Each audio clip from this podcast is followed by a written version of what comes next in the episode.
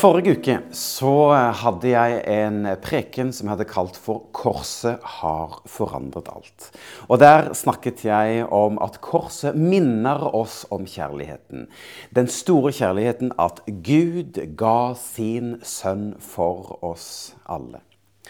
Og jeg løfter fram at den troende lever ikke kun for seg selv, men har en større hensikt over livet.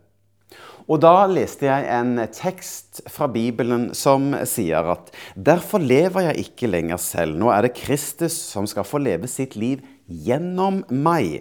Det livet som jeg nå lever her på jorden, skal preges av min tro på Guds sønn. Han som elsket meg og ga seg selv for meg.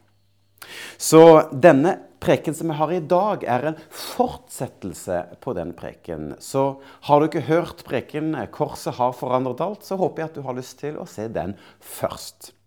Men i dag Korset leder til etterfølgelse. Og vi skal til dagens bibeltekst. Vi skal til Lukas evangeliet, kapittel 9, og da skal vi lese. Den som vil følge meg, må slutte å tenke på seg selv og ta opp sitt kors hver dag og følge meg. For den som prøver å holde fast på det livet de har, vil miste det. De som er villige til å ofre visse ting i livet for min skyld, vil finne livets egentlige verdi og skal bli frelst. Hva hjelper det et menneske om man eh, vinner hele verden, men ender opp med å miste seg selv? For vær hver den som skammer seg over meg eller det jeg har sagt, han skal jeg skamme meg over når jeg kommer hjem til herligheten i himmelen, til min far og de hellige englene. Det er faktisk noen av dere som er her, som ikke skal dø før dere har sett Guds rike med deres egne øyne. La oss først se litt på kontekst, eller litt omstendighetene. Fordi at nylig har Peter stått fram i Cesarea Filipp Filippi og sagt om Jesus at du er Kristus. Du er Messias. Du er den som Skriftene har fortalt i generasjoner at skal komme og bringe frelse og håp og fred til verden. Du er den salvede som Gud har lovet. Du er Guds sønn som har kommet med frelse. Og like etter dette så sier da Jesus til eh, sine disipler at 'jeg kommer til å lide mye og bli forkastet av folkets ledere, øverste prestene og de skriftlærde'. 'Jeg skal bli drept, men på den tredje dag skal jeg stå opp igjen'. Fordi at her er det første gang Jesus sier at han skal gå dødens vei han skal bli korsfestet for menneskeheten. Et frivillig valg for å gi sitt liv for at vi skulle få lov til å komme til Gud. Og det er rett etter disse ordene at Jesus da sier dagens bibeltekst Ta opp ditt kors og følg meg. For korset er både brutal kjærlighet, men òg brutal etterkjærlighet etterfølgelse. Så hva vil det si med etterfølgelse? Etterfølgelse er det samme som disippelskap. Og Jesus han inviterer oss alle til å bli hans disippel. Han sier 'følg meg'. Og disippelskap det handler altså om å lære fra å følge en mester. Og Bibelen bruker denne terminologien over 200 30 ganger. Så dette er et av kjernebudskapene i Bibelen. For Jesus han ber oss om å følge ham. Så Derfor så kan vi òg si at etterfølgelse er Kirkens hovedoppdrag. Ja, for vi er alle under en livslang vandring for å stadig lære og å følge Jesus. Og Kirkens oppdrag er nettopp å hjelpe til, hjelpe til langs denne vandringen. For ordet vandring er viktig. Ja, for det er ikke kun en engangsforeteelse å ta imot Jesus eller bli en troende, bli en kristen. Nei, det er noe som varer livet ut. En livslang vandring hvor vi stadig kommer i berøring av Gud og stadig berøring av det himmelske. At vi stadig lærer mer, men òg at vi følger etter det Jesus ønsker med våre liv.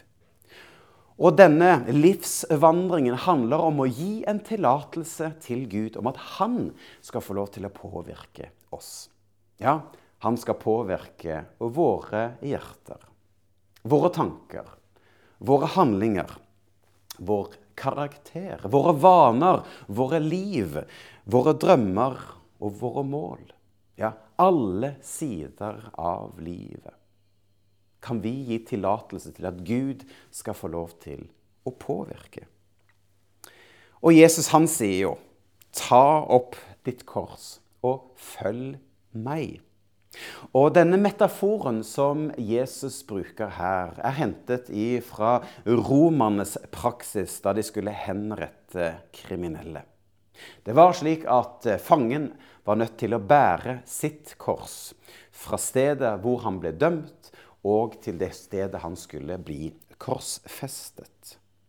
Og Jesus, han kan vi òg lese om i evangeliene at han var nødt for å bære sitt kors opp til Golgata.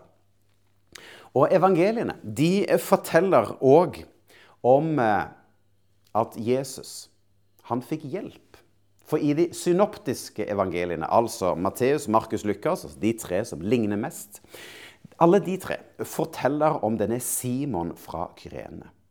Fordi at Jesus han maktet ikke å bære sitt eget kors. Han var plaget og pisket. Og Derfor så falt han ned. Og Simon han kom da og hjalp Jesus til å bære korset. Var det tilfeldig? Jeg tror ikke det. For på samme måte som denne Simon kom inn og hjalp Jesus å bære sitt kors, så tenker jeg at Jesus han kommer inn for å hjelpe oss med å bære vårt kors. For troen er ikke en strevsom kamp, men det er at Jesus han hjelper oss, og han bærer oss gjennom livet.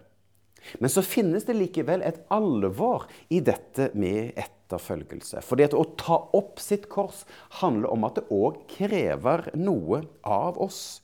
Ja, for det handler om å legge bort eh, våre egne ambisjoner og si 'Herre, hva vil du med mitt liv?'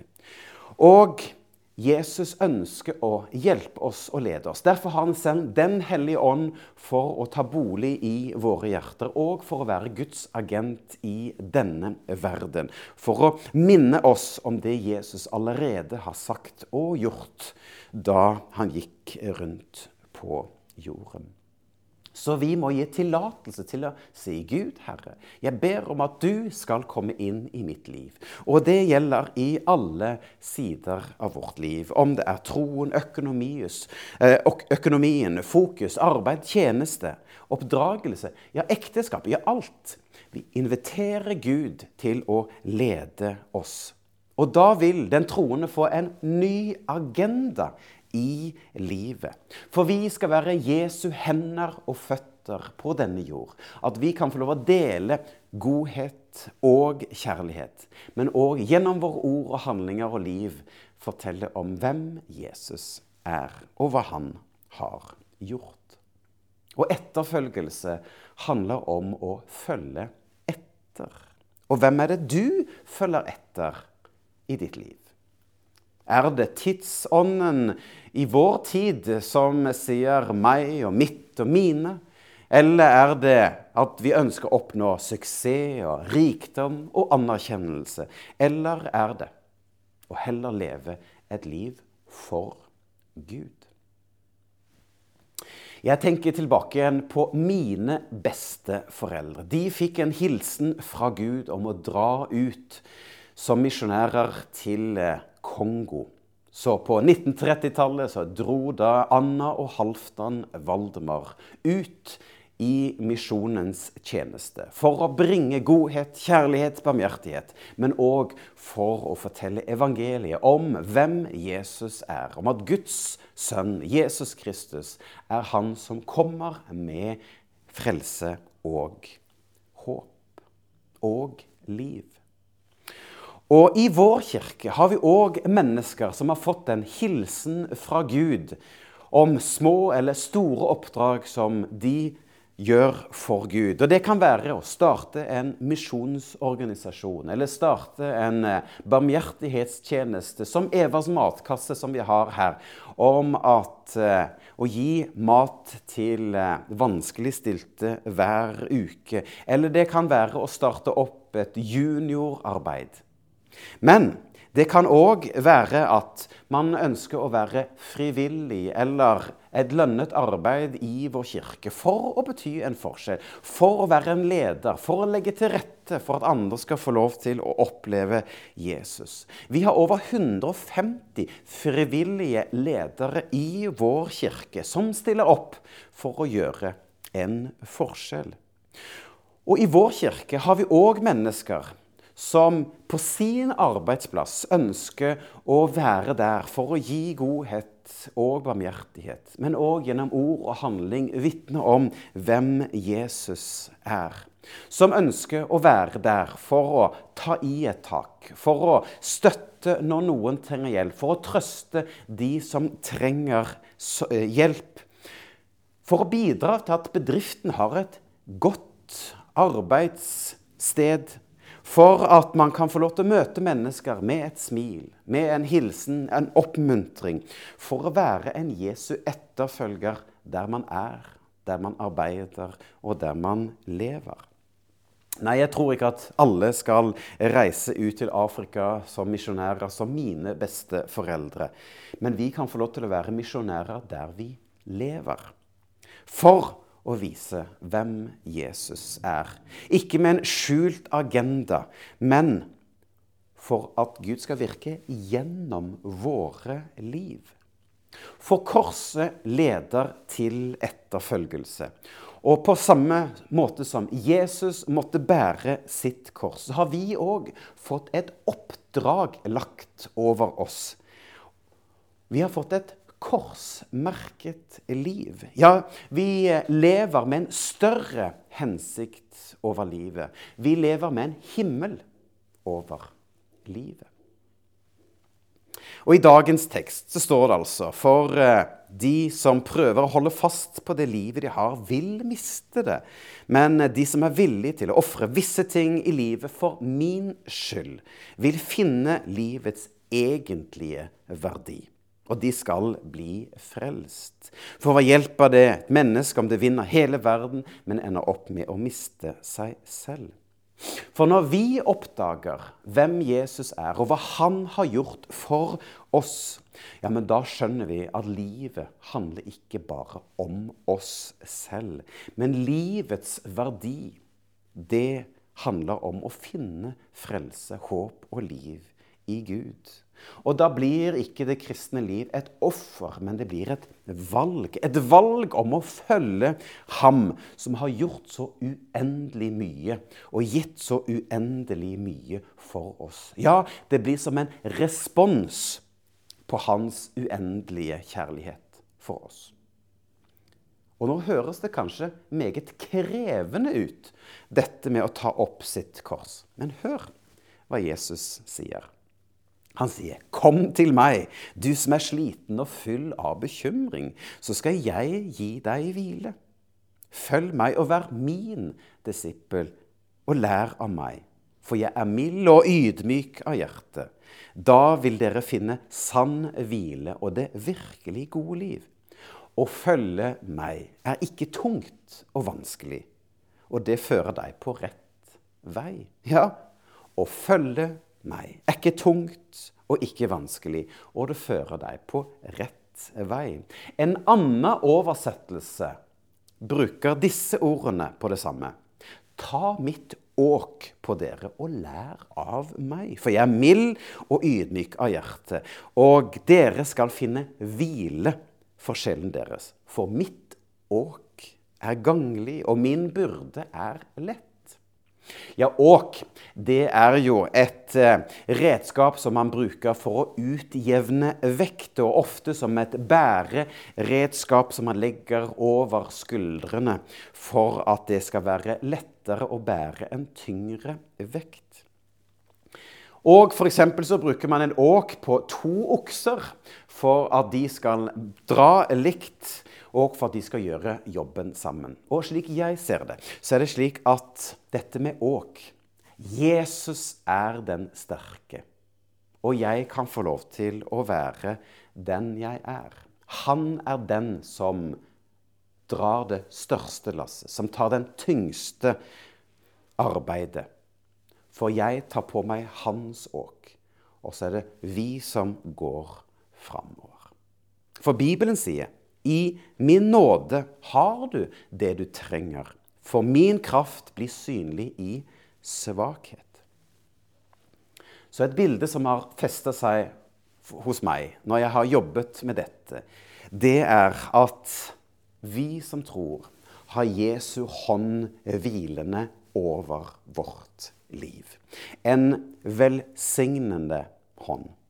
En beskyttende beskyttende hånd, en kjærlig hånd, en nådig hånd, en naglemerket hånd som vil velsigne oss, som vil beskytte oss og vil lede oss i livet.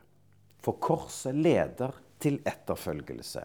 En livslang prosess hvor vi stadig lærer mer om hvem han er, hva han har gjort for oss, og hvilke planer og hensikt han har med vårt liv. Etterfølgelse er et korsmerket liv, hvor Jesus er vår frelser, Herre og venn.